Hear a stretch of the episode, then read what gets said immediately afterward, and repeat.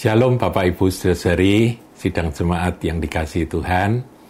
Damai sejahtera dari Tuhan Yesus Kristus turun atas kita semua. Saudaraku, pada kesempatan suara gembala kali ini, saya akan mengajak saudara merenungkan tentang apa yang Tuhan Yesus ajarkan setelah kematian. Saudara, kita suka nggak suka, mau nggak mau, kita harus menerima bahwa orang hidup di atas muka bumi ini ada saatnya kita akan selesai. Dan kalau sudah selesai, kemudian setelah itu apa yang terjadi? Nah, kita kembali kepada sumber iman kita, yaitu firman Tuhan. Nah, mengenai dunia orang mati, ada satu pengajaran dari Tuhan Yesus yang sangat jelas, yaitu dalam Lukas 16 tentang orang kaya dan Lazarus. Saudara, di sini ada pesan-pesan yang sangat padat dari Tuhan mengenai uh, bagaimana kehidupan setelah kematian itu, tetapi juga ada nilai-nilai yang Tuhan mau tanamkan kepada kita orang-orang yang percaya. Saya bacakan saudaraku mulai ayat yang ke-19, judul perikopnya orang kaya dan Lazarus yang miskin. Jadi ada dua, dua orang yang diangkat oleh Tuhan dalam pengajaran ini, yang satu orang kaya, nggak disebut namanya, yang satunya adalah seorang pengemis yang bernama Lazarus. Nah, dikatakan ada seorang kaya yang selalu berpakaian jubah ungu dan kain halus. Dan setiap hari ia bersukaria dalam kemewahan. Ayat 20. Dan ada seorang pengemis bernama Lazarus. Badannya penuh dengan borok, berbaring dekat pintu rumah orang kaya itu jadi dia tunawisma, dia tidur di emper pintu rumahnya. 21. Dan ingin menghilangkan laparnya dengan apa yang jatuh dari meja orang kaya itu. Malahan anjing-anjing datang dan menjilat boroknya. Kemudian matilah orang miskin itu lalu dibawa oleh malaikat-malaikat ke pangkuan Abraham. Ayat 23, dan orang kaya itu juga mati, lalu dikubur. Dan sementara ia menderita sengsara di alam maut, ia memandang ke atas dan dari jauh dilihatnya Abraham dan Lazarus duduk di pangkuannya. Sampai di sini dulu, saudaraku ya. Saya ingin ngajak saudara merenung tentang perbedaan yang sangat mencolok dari kehidupan selama di atas muka bumi antara orang kaya yang diceritakan itu dan juga Lazarus. Nanti kita akan lihat juga kesamaannya, saudara. Jadi ada perbedaan, ada pula kesamaan. Perbedaannya yang satunya sangat kaya, pakaiannya jubah ungu itu adalah jenis baju yang paling mahal pada zaman itu.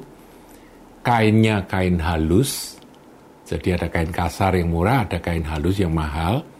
Dan setiap hari ia bersukaria dalam kemewahan. Karena dia kaya raya, dari setiap hari dia pesta pora, saudaraku. Dan bersenang-senang dalam kemewahan. Nah, sementara mencolok sekali perbandingannya dengan tokoh yang satunya, tetapi anehnya meskipun orang yang satunya adalah seorang pengemis, tapi namanya disebut, saudara. Pertanyaan, apakah nama Anda itu dikenal oleh Tuhan? Itu lebih penting, saudaraku, daripada kita dikenal oleh banyak orang karena kita kaya, karena kita sukses, atau karena kemampuan-kemampuan sementara yang ada di bumi ini. Yang penting apakah Tuhan mengenal kita. Dan saya kasih tahu dia gembala agung itu mengenali akan domba-dombanya satu demi satu. Jadi yang lebih penting itu nama kita dikenal oleh dia meskipun tidak dikenal oleh dunia. Ya, itu yang lebih penting, saudara. Nah, mencolok sekali ya. Jadi perbandingannya kontras sekali. Si miskin ini namanya Lazarus, badannya penuh dengan borok. Jadi tidak dikatakan dia berpakaian, mungkin dia telanjang, saudaraku. Ya pakaian ala kadarnya aja. Tetapi yang dikatakan, yang dituliskan badannya penuh dengan borok. Dia tidak bisa merawat tubuhnya karena memang nggak punya uang. Makan aja jarang-jarang, saudaraku. Jadi kurang gizi. Jadi bagaimana dia bisa uh, bisa sehat, saudara ya? Badannya penuh dengan borok. Dan ternyata boroknya itu membawa dia kepada kematian.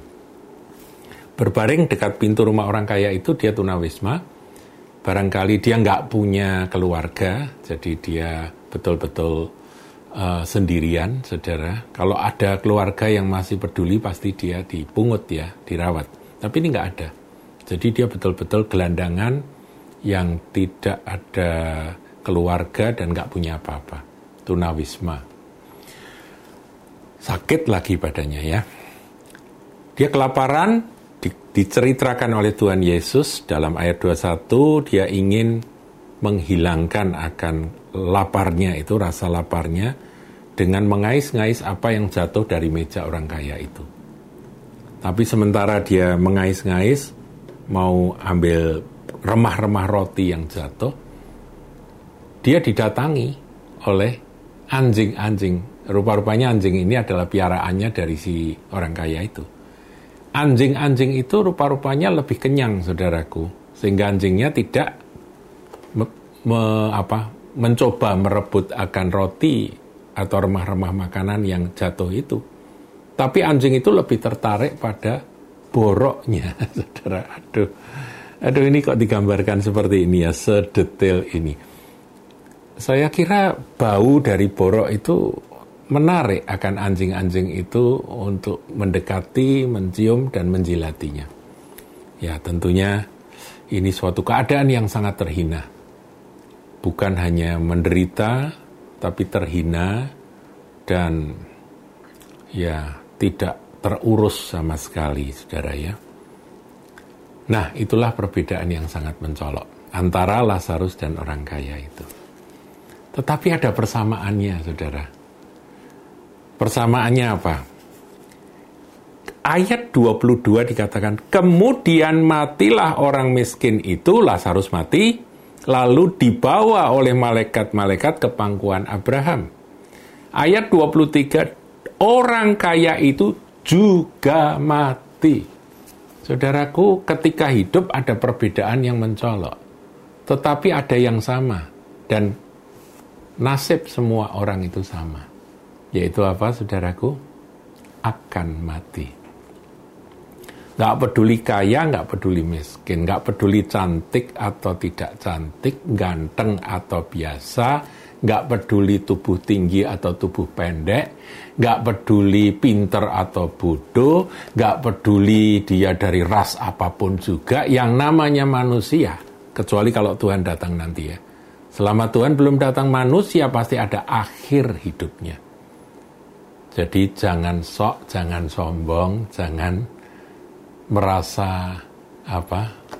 Ya, bermegah diri bahwa seakan-akan aku mau hidup seribu tahun.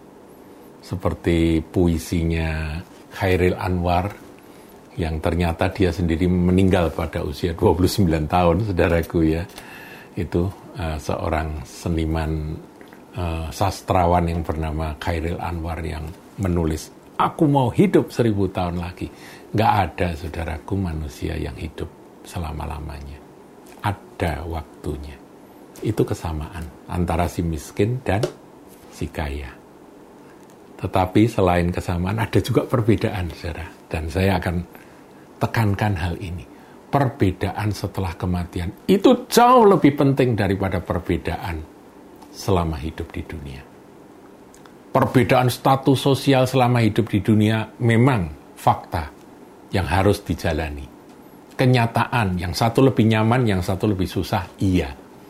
Tetapi saya ingin sampaikan, setelah kematian ada perbedaan.